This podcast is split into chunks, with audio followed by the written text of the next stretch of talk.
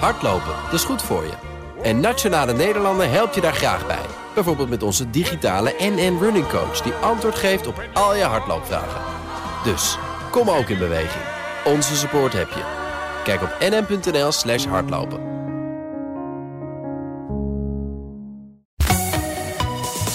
BNR Nieuwsradio. The Big Five. Diana Matroos. Welkom bij BNR's Big Five van de Masterclasses. Deze week heb ik de eer om vijf topgasten te ontvangen. Die allemaal inspireren als het gaat om leiderschap, doorzettingsvermogen, kansen zien. Omdat ze visie en lef hebben en authentiek blijven. Ook als het heel moeilijk is. Het komende half uur kunnen we leren en geïnspireerd raken. door iemand waar heel Nederland een diepe buiging voor maakt. Vanwege haar ongekende sportprestaties. Zevenvoudig wereldkampioen snowboarden. en driemalig Paralympisch kampioen. Maar ook vanwege haar onvermoeibare strijd tegen kanker. En normaal praten we een uur met onze gast. Uh, maar uh, wie het uh, begin van de uitzending heeft gevolgd, heeft ook gehoord dat er even wat problemen waren bij het maken van de verbinding. Maar ik ben heel dankbaar dat het is gelukt om contact te krijgen. Bibian Mentel, van harte welkom. En goed. Fijn dat je er bent. Ja, ja, ja. Excuses voor de, de, de verbinding. Ja. Allereerst. Nee, nou ja, dat. dat uh, um, um, want er is. Uh, ik heb begrepen dat ik jou mocht vragen. Um, uh, wat er aan de hand was. En er was even wat chaotische toestanden waardoor dit niet lukte, heb ik begrepen. Ja, dat klopt. Nou, ik uh, uh, eigenlijk uh, anderhalf week geleden had ik een CT-scan. En daar bleek op, want ik had vrij veel last van mijn rechterheup en been. Um, dat er in eerste instantie kon ik het niet echt vinden, maar er bleek een stukje bot op mijn zenuwbaan te drukken, waardoor ik heel veel last heb. En um, ze hebben eigenlijk hals over kop morgenochtend al willen opereren. En um, as we speak zijn we onderweg naar het ziekenhuis. Ongelooflijk. En, en ja, ik voel me bijna schuldig dat je dan nu uh, met mij uh, uh, praat. En, en toch nog maar even de vraag. Ik weet dat het achter de schermen ook gebeurd is. Maar wil je dit gesprek nu al doen? Want er is al, altijd iets wat belangrijker is dan zo'n gesprek voeren. Nee hoor, tuurlijk. Gaat, gaat prima, gaat lukken. En ik hoop dat jullie niet te veel overlast hebben van de ruis op de achtergrond eventueel. Nou, dit, dit is dan ook denk ik helemaal wat jou typeert. Dat je dit dus doet in deze situatie. Uh, altijd als het over jou gaat, dan valt het woord bovenmenselijke power. Voel jij dat ook zo? Nee, joh. nee, nou ja, dat vind ik super lief. En, en uh, vind ik altijd een beetje gek als mensen dat zeggen. Heel erg lief, uiteraard. Maar uh, ja, ik ben gewoon een mens. En, en ik probeer eigenlijk gewoon mijn leven te leiden zoals ik denk dat het het beste voor mij is. En, en probeer ja, eigenlijk altijd de moed erin te houden. En, en uh, uh, ja, gewoon maar door te gaan. En, en, en leg ons uit die moed, hè? want je bent nu uh, op weg naar het ziekenhuis uh, voor die spoedoperatie. Ja. Dat, dat is nogal wat, dan, maar je hebt het natuurlijk heel vaak meegemaakt. Maar hoe zit je dan nu in zo'n moment?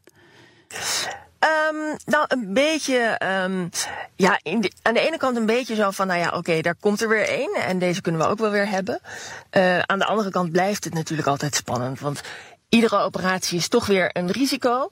Uh, er kunnen natuurlijk altijd dingen fout gaan. Uh, um, ja, weet je, ik heb ondertussen al zoveel operaties achter de rug dat ik elke keer maar weer hoop dat ik gewoon weer wakker word uit de narcose. Um, dus het, het zijn altijd, het is toch altijd spannend. En dat zal het altijd blijven, ben ik bang. En um, ja, uiteraard hoop ik dat dit de laatste zou zijn. Maar uh, aan de andere kant weet ik diep in mijn achterhoofd dat de kans dat ik volgend jaar weer geopereerd zou moeten worden, is ook aanwezig. Dus, uh, en op zich ben ik ook wel weer blij dat die kansen dan weer aanwezig zijn. Want dat houdt in dat er gewoon nog steeds wel wat te doen is. Dus um, ja, het is een beetje, um, het is een beetje met een dubbel gevoel zit ik erin. Een dubbel uh, gevoel. Um, en dan probeer ik toch uh, nou ja, nog meer in jouw hoofd uh, te kruipen. Ik heb ook de, de hele indringende documentaire gezien op Videoland, Leef. Oh je, ja. Waar je echt, nou ja, ik, ik, ik moet je zeggen, ik zat met de tranen in mijn ogen daarnaar te kijken. En ik denk dat iedereen dat heeft.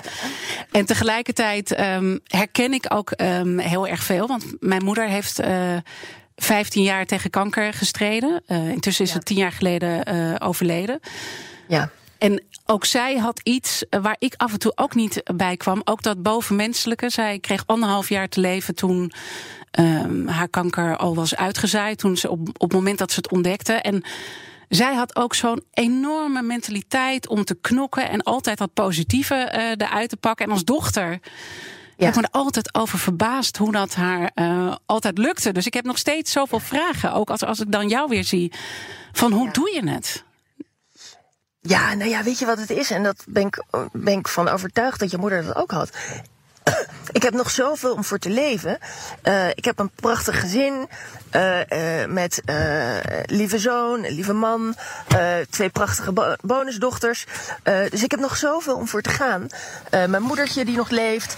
Um, ja, ik probeer gewoon ja, continu dat voor ogen te houden. En dat, dat is iets wat zo ja, boven alles uitsteekt wat ik belangrijk vind in het leven.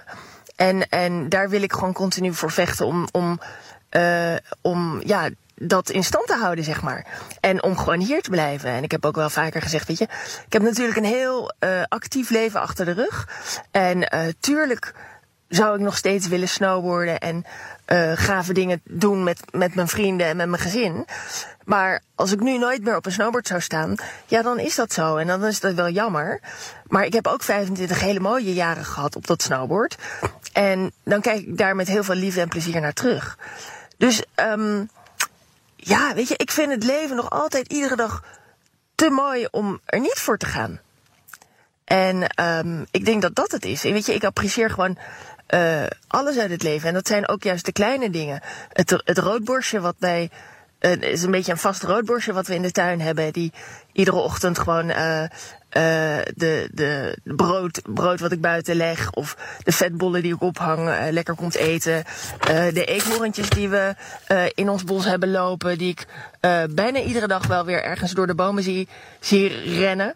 Um, weet je, dat, dat soort dingen. Um, mijn man ik ochtends naast wakker word.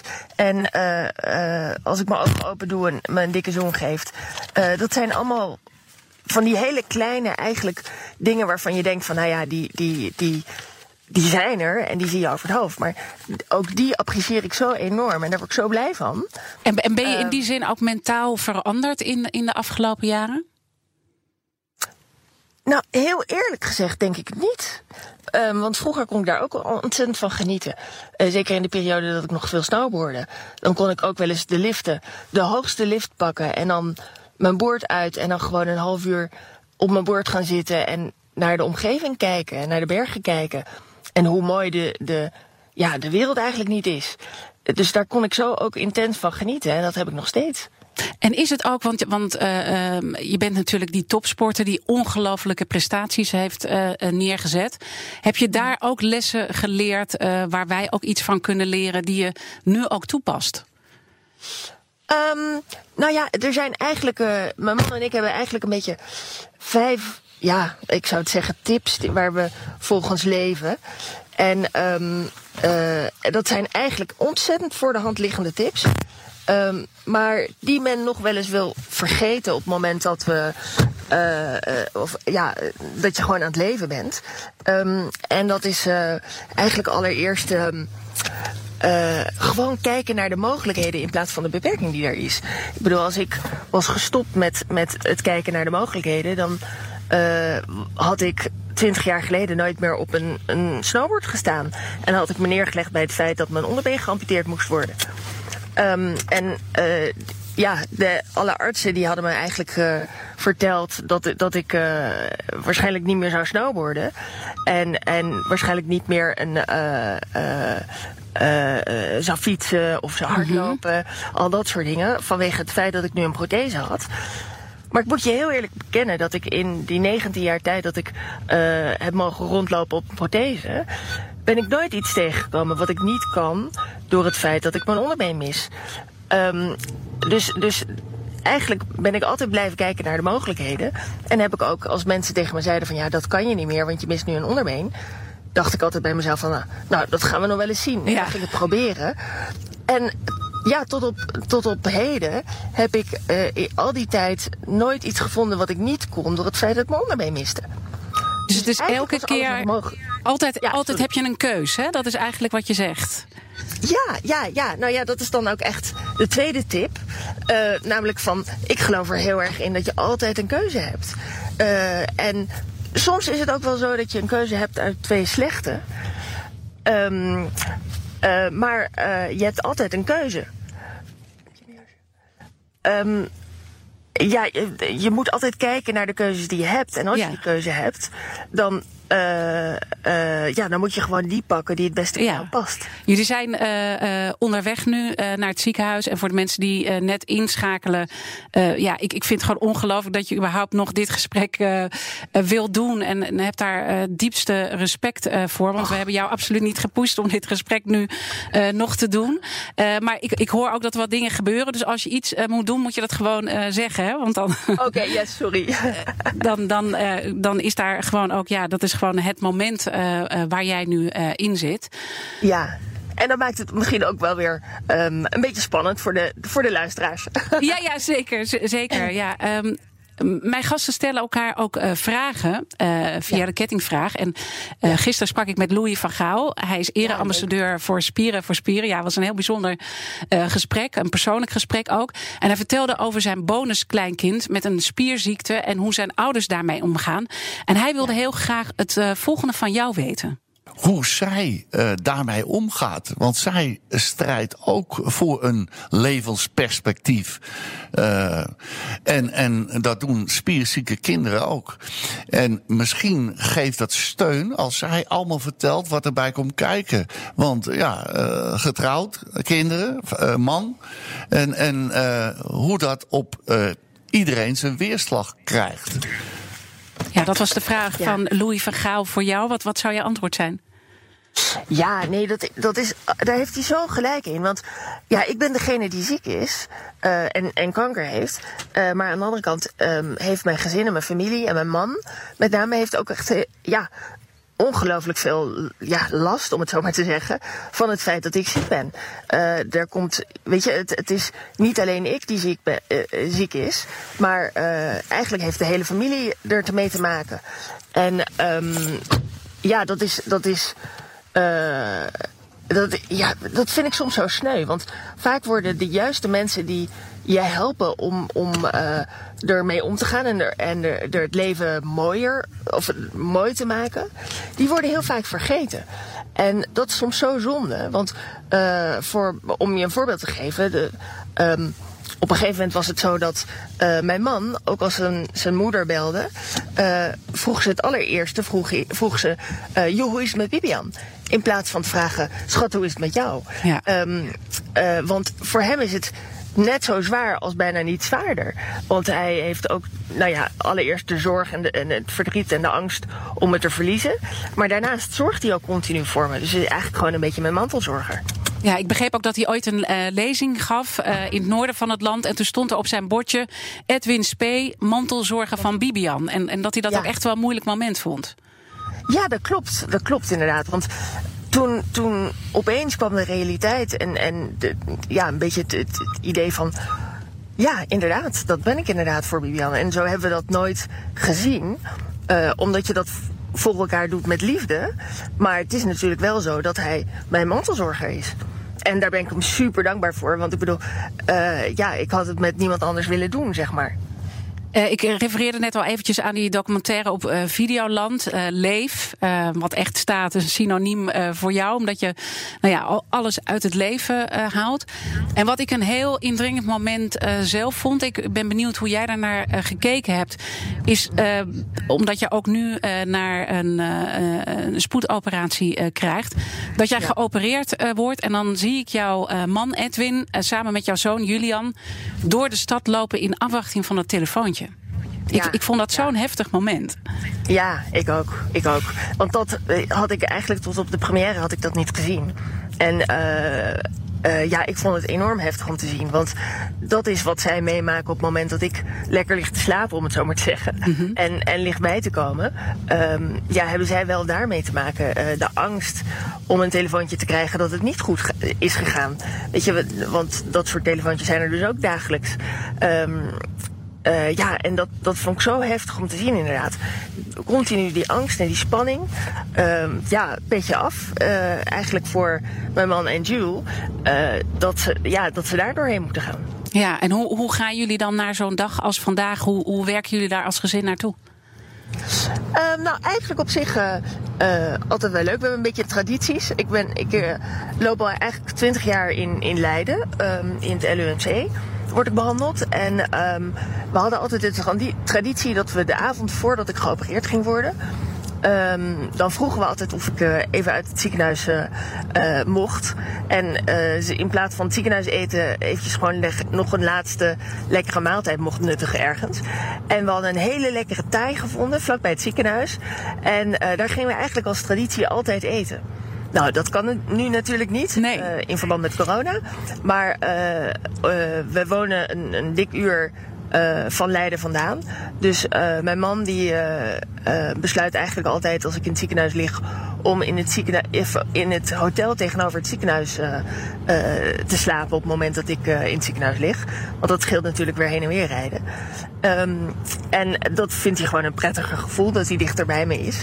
En dat doet hij nu samen met mijn zoon. Dus als het goed is gaan we vanavond gewoon wel Ehm, omdat dat kan, eh, in het restaurant van het hotel eh, nog een hapje eten. Eh, voordat ik morgenochtend om, om zes uur waarschijnlijk gewekt word. Om, om acht uur gewassen en wel op tafel te liggen. Ja, ongelooflijk. En, dan, en dus toch proberen zo warm mogelijk, zo positief mogelijk eh, die avond zeg maar door te komen om naar dat ehm, moeilijke moment toe te gaan. Ja, ja, ja, eigenlijk wel. En, en uiteindelijk, weet je, op het moment dat de broeder komt om je naar huis, of, eh, naar huis, eh, naar de operatie te brengen, dan is dat wel altijd slikken en even een, een, ja, eigenlijk een beetje een verdrietig moment, omdat je dan je realiseert van, goh, nu kan ik er echt niet meer onderuit. Nu gaat het gebeuren. Ehm, maar goed, ja, het is wat het is. En eh, ze proberen er toch eigenlijk alleen maar eh, ja, gezond weer te maken en, en eh, me weer te helpen. Dus wat dat betreft eh, laat ik het dan maar weer gewoon over me heen komen. Eh, maar dat neemt niet weg dat ik ook gewoon mijn spanning en mijn verdriet heb. En, en dat ik het wel ontzettend spannend vind. En, en ja, op zo'n moment vaak voornamelijk aan het trillen ben. En probeer mijn, mijn hartslag onder controle te houden. Dat hij niet helemaal sky high gaat. Omdat ik gewoon eh, het ook spannend vind, iedere keer weer. Ehm, en dan maar te denken van, nou ja, oké, dit is het. En eh, eh, ik eh, zie jullie allemaal zo weer. En toch weer dat positieve dan voor ogen te houden van het komt goed. Want dat zeggen jullie ook heel vaak, hè? Komt goed. Ja, ja, ja. Ja, maar zo voelt het ook, gelukkig. Het is niet iets, een, een act die we opvoeren, maar zo voelt het ook echt elke keer. Ehm, ik heb ongelooflijk veel vertrouwen in mijn artsen. En, eh, eh, en ja, weet je, het gaat gewoon weer lukken. Ja. En ik, ik ga gewoon mijn schouders eronder zetten en eh, daar gaan we maar weer. En al die verhalen delen. Je hebt meerdere boeken geschreven, die documentaire. Je geeft ook eh, lezingen. Ja, dat kan natuurlijk nu ook even niet vanwege eh, corona. Maar je bent heel erg dit verhaal aan het uitdragen. Wat, wat hoop jij dat wij nu eh, leren, ook van dit gesprek? Nou ja, ik hoop dat, dat mensen zich realiseren dat er altijd wel een mogelijkheid is. En, en soms is dat inderdaad een mogelijkheid uit twee slechte. Ehm, en is dat een hele moeilijke keuze om te maken. Maar als je die keuze maakt, blijf daar dan ook bij en, en ga er dan ook voor. Want het leven, vind ik in ieder geval, is veel te mooi om het op te geven. En ehm, ja, ik hoop dat mensen er een klein beetje, eh, als ze zich herkennen in, in de situatie of eh, eh, ja, en, en het zelf ook moeilijk hebben, hoop ik dat het, dat het ze een klein beetje steun geeft. En laat zien hoe, hoe je inderdaad weer naar oplossingen kan, kan zoeken en, en plezier kan houden in het leven. Want als je naar andere mensen kijkt, ook in deze tijd, hoe we leven, vind je dan dat we soms met te onbelangrijke dingen bezig zijn en vergeten wat de kern van ons leven is? Ehm, ja, dat is een, een lastige vraag natuurlijk. Want eh, eh, aan de ene kant wel. Ehm, aan, het ene, aan de ene kant vergeten de mensen denk ik soms om eh, echt te leven. En, en hoor je ook vaak dat mensen... Ik spreek wel eens vaak voor, voor grote bedrijven. En dan hoor ik mensen ook zeggen van... Oh, ik eh, ben nu CEO erg, eh, in een groot bedrijf. En eh, ik wil nog dat mooie huis kopen. En, en eh, als ik later met pensioen ben, dan ga ik genieten van het leven. en dan denk ik wel eens, goh, wat zonde. Want het leven is nu ook heel erg mooi. En, en uh, wat zonde dat je dat gaat uitstellen tot na je pensioen. Want hoe vaak hoor je niet ook verhalen van uh, mensen die inderdaad dan een maand met pensioen zijn. En dan een hartinfarct krijgen of een hartstilstand. En dan er niet meer zijn. En dan een, maar een maand van hun pensioen hebben kunnen genieten. Um, ja, ik, ik geloof er heel erg in dat, dat uh, mensen soms een beetje vergeten zijn waar het om gaat. En, en uh, soms eigenlijk um, in plaats van het verzamelen van herinneringen, we bezig zijn geweest met het verzamelen van bezittingen. Uh, je hoort vaak dat inderdaad. Uh, nou ja, eigenlijk als je een, iemand op zijn sterfbed vraagt. wat vond je nou het allerdierbaarste moment in je leven? En waar heb je nog mooie herinneringen aan? Dan zullen ze het niet hebben over die mooie Mercedes die ze ooit hebben kunnen kopen. Of dat grote huis waar ze in hebben gewoond. Nee, dan zullen ze het hebben over de mooie verhalen die ze, die ze hebben beleefd. En de avonturen die ze hebben beleefd met hun dierbaren. En daar gaat het volgens mij om in het leven. Helemaal, helemaal uh, eens. En goed dat je dat zegt, want dan moeten we elke keer ons weer terdege van bewust zijn. Uh, ik weet niet of jij nog uh, een, weet dat wij ook een kettingvraag hebben. Dat je een vraag mag stellen aan mijn volgende gast. Dat is kok Sunil Bahadur. Hij kreeg twee sterren en niet met de Franse keuken, maar met gerechten geïnspireerd op zijn Surinaamse roots. En hij heeft dat echt daarvoor geknokt en dat vastgehouden. En hij heeft dus nu die twee sterren.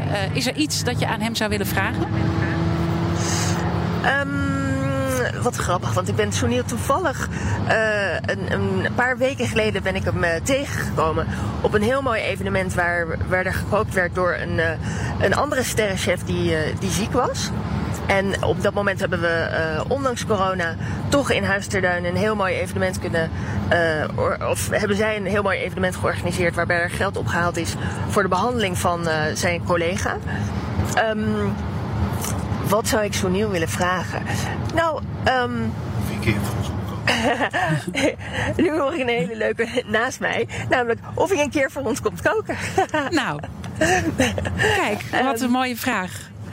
Ja, ja. Nee, um, uh, alle gekheid op een stokje natuurlijk. Maar nee, um, ik denk dat het een hele leuke vraag is. En, en um, ik vraag me af wat wat hem iedere keer weer opnieuw drijft om uh, weer mooie gerechten te verzinnen. En uh, met name mooie gerechten uh, vanuit zijn roots ook een hele mooie vraag. Ik ga ze gewoon beide uh, stellen morgen.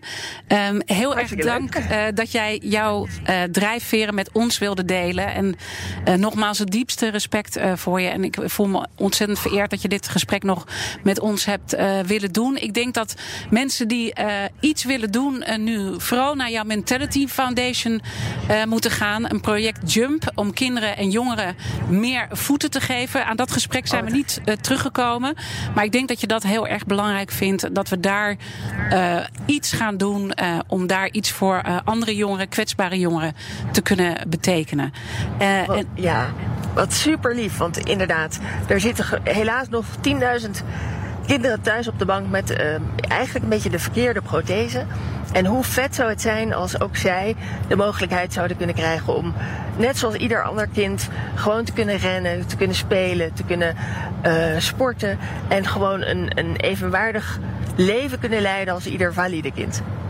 Mooie laatste woorden en heel veel succes uh, straks. En uh, ik hoop dat dat straks dat sterrenmaaltijd bij jou komt. En dat je gewoon nog heel mooi leven mag hebben. Dank Bibian Mentel. dit was BNR's Big Five van de Masterclass. Iets anders dan u van ons gewend bent.